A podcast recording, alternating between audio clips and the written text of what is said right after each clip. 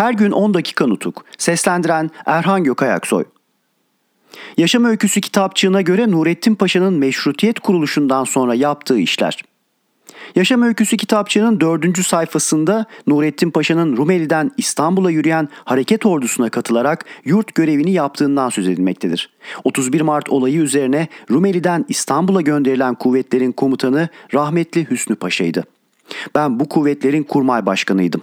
Bu kuvvetlere hareket ordusu adını veren, hareket ordusunun İstanbul'a dek gidişini düzenleyen ve yöneten bendim. Nurettin Bey'in bu kuvvetlere katılarak görev aldığını bilmiyorum. Nurettin Paşa birçokları gibi hareket ordusu İstanbul'a yaklaştığı zaman Yeşilköy'e ya da Bakırköy'e gelmiş olabilir. Nurettin Paşa, Yemeneli'nin kurtarılması ve ayaklananların cezalandırılması için yapılan savaşlarda bir takım tümenlere ya da birliklere komuta etmiş. Her tümen komutanı her savaşta bu durumda bulunur. Sonra Sana'nın kurtarılmasından sonra orada yığınak yapmış olan kuvvetlere komuta etmiş.''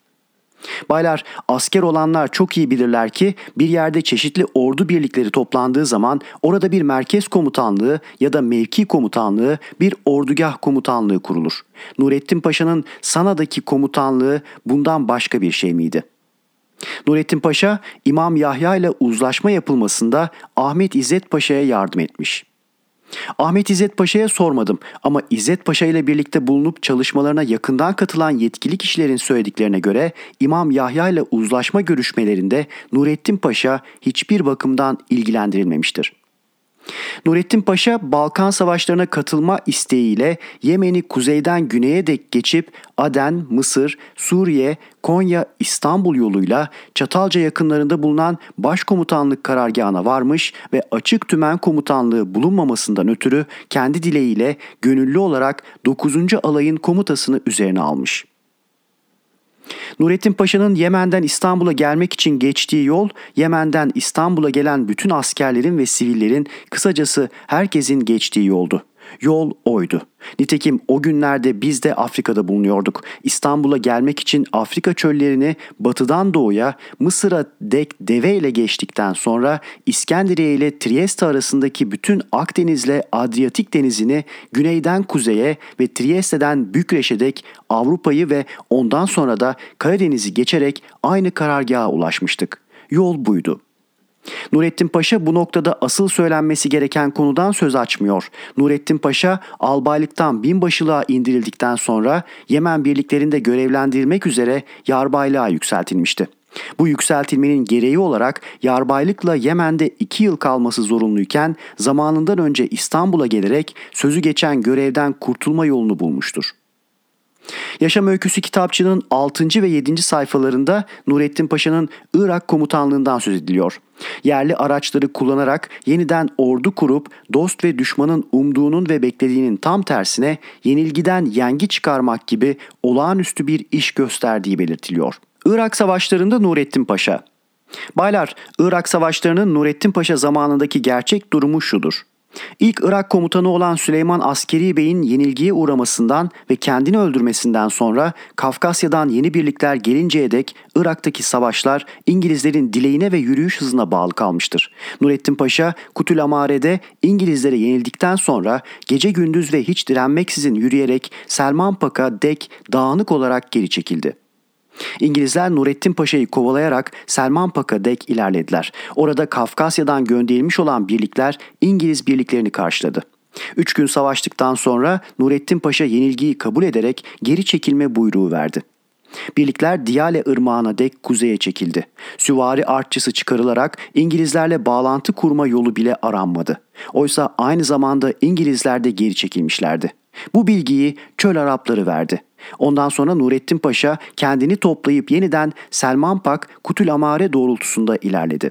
Kutülamare kuzeyinde İngiliz birlikleriyle geceleyin karşılaşıldı. Tedbirsizlik ve düzenlemedeki ve komutadaki yanlışlıklar yüzünden tan yeri ağrırken birliklerimiz düşmanın ateş baskınına uğradı.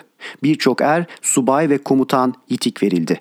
Birlikler bozuldu, kendiliğinden geri çekilmeye başlandı. İngilizlerin de geri çekilmesi üzerine yeniden düzen sağlanabildi. Irak'ta yeni birlikler ve yeni araçlarla büyük ve kanlı savaşlar bundan sonra başlar ki Nurettin Paşa'nın bunlarla ilişkisi yoktur.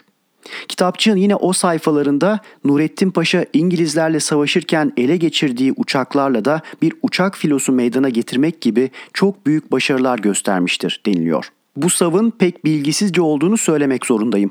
Uçağın ve uçak filosunun ne olduğunu bilenler böyle bir savın nedenli gülünç olduğunu elbette anlarlar. Büyük saldırı sırasında Nurettin Paşa savaş alanına dürbünle bakmayı yeğe tutuyordu. Kitapçığın 8. sayfasında Nurettin Paşa'nın dürbünle bakarken alınmış bir resmi vardır. Bu resmin altında şunlar yazılıdır. 26 Ağustos 1922 saldırı günü Kocatepe gözetleme yerinde Karahisar Meydan Savaşı'nı yönetirken alınan fotoğraflarıdır. O gün hep o tepedeydik. Dürbünle bakanlar çoktu. Dürbünle en çok bakanlar da gözetleme görevi yapan subaylardı. Gerçekten Nurettin Paşa'nın da savaş alanına dürbünle bakmayı yeğlediği benim de dikkatimi çekmişti. Karahisar Dumlupınar Meydan Savaşı yapılırken Başkomutan Savaşı günü Nurettin Paşa'yı 1 Aralık Kolordu Komutanı Kemalettin Paşa'nın gözetleme yerinde savaş alanına dürbünle bakarken buldum. Birliklerimiz düşmanı yakından sıkıştırmış, çok dikkat isteyen önemli bir durum meydana gelmişti. Dürbünle bakmayı bırakınız. Savaşı yakından ve kendimiz yönetmek için ileri ateş dayangalarına gideceğiz dedim. Nurettin Paşa bu denli yaklaşmanın doğru olmadığını söyleyerek gitmek istemedi. Canım sıkıldı. Siz burada kalabilirsiniz dedim. Kemalettin Sami Paşa'ya da siz benimle geliniz dedim ve otomobilime yürüdüm. Bağış üstüne dedi ve benimle birlikte yürüdü. Bu davranış üzerine dürbünün başında yalnız bırakılan Nurettin Paşa'nın da arkamızdan geldiğini gördük. Dediğim yere gittik. Yunan ordusunun tutsaklığıyla sonuçlanan o savaşı en küçük ayrıntılarına dek kendim yönetiyor ve gereken buyrukları doğrudan doğruya kol ordu komutanlarına ve başka komutanlara kendim veriyordum. Buyruklarıma göre önlemler alınıp gereği yapılırken ordu komutanı Nurettin Paşa yanımda duruyor ve olup bitenlere bakıyordu. Bir aralık kol ordu komutanını benim yanımdan uzaklaştırarak kimi buyruklar vermeye kalkışmış. Kolordu komutanı bu buyrukları yerine getirilemez nitelikte görmüş, ordu komutanıyla kolordu komutanı arasında saygı dışı çekişmelere benzer bir şeyler olmuş. Kemalettin Sami Paşa Nurettin Paşa'nın yanından biraz sert bir davranışla ayrılmış. Bu durumu anladım. Kemalettin Sami Paşa'yı yanıma çağırıp sakin olmasını ve düzen bağını koruması gerektiğini söyledim. Sonra da yalnız olarak Nurettin Paşa'yı çağırttım genel nitelikte kimi sorular sorarak kolordu komutanına verdiği buyruğun gerçekten yerine getirilemeyeceğini anlatmak istedim. Komutanlar buyruk vermiş olmak için buyruk vermezler. Gerekli ve yapılabilecek olan işleri buyururken kendini o buyruğu yürütecek olanın yerine koymak ve buyruğun nasıl uygulanıp yürütüleceğini düşünmek ve bilmek gerektir.''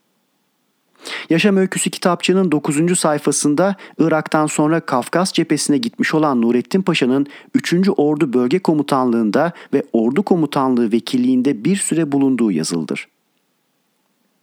Bu görevlerin niteliği ve bu sürenin kaç gün olduğunu sormak gerekir.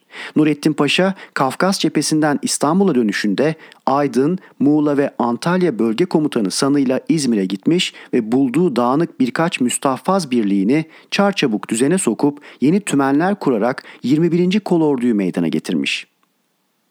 Baylar, kol ordu kurmak son zamanda Birinci Dünya Savaşı'nın fantazileri sırasına geçmişti. Özellikle karşısında düşman bulunmayan bölgelerde askerlik şubeleri ve askerlik daireleri kuruyormuşçasına kolaylıkla kol ordu komutanlıkları kurulur ve gerekli yetkiler verilirdi.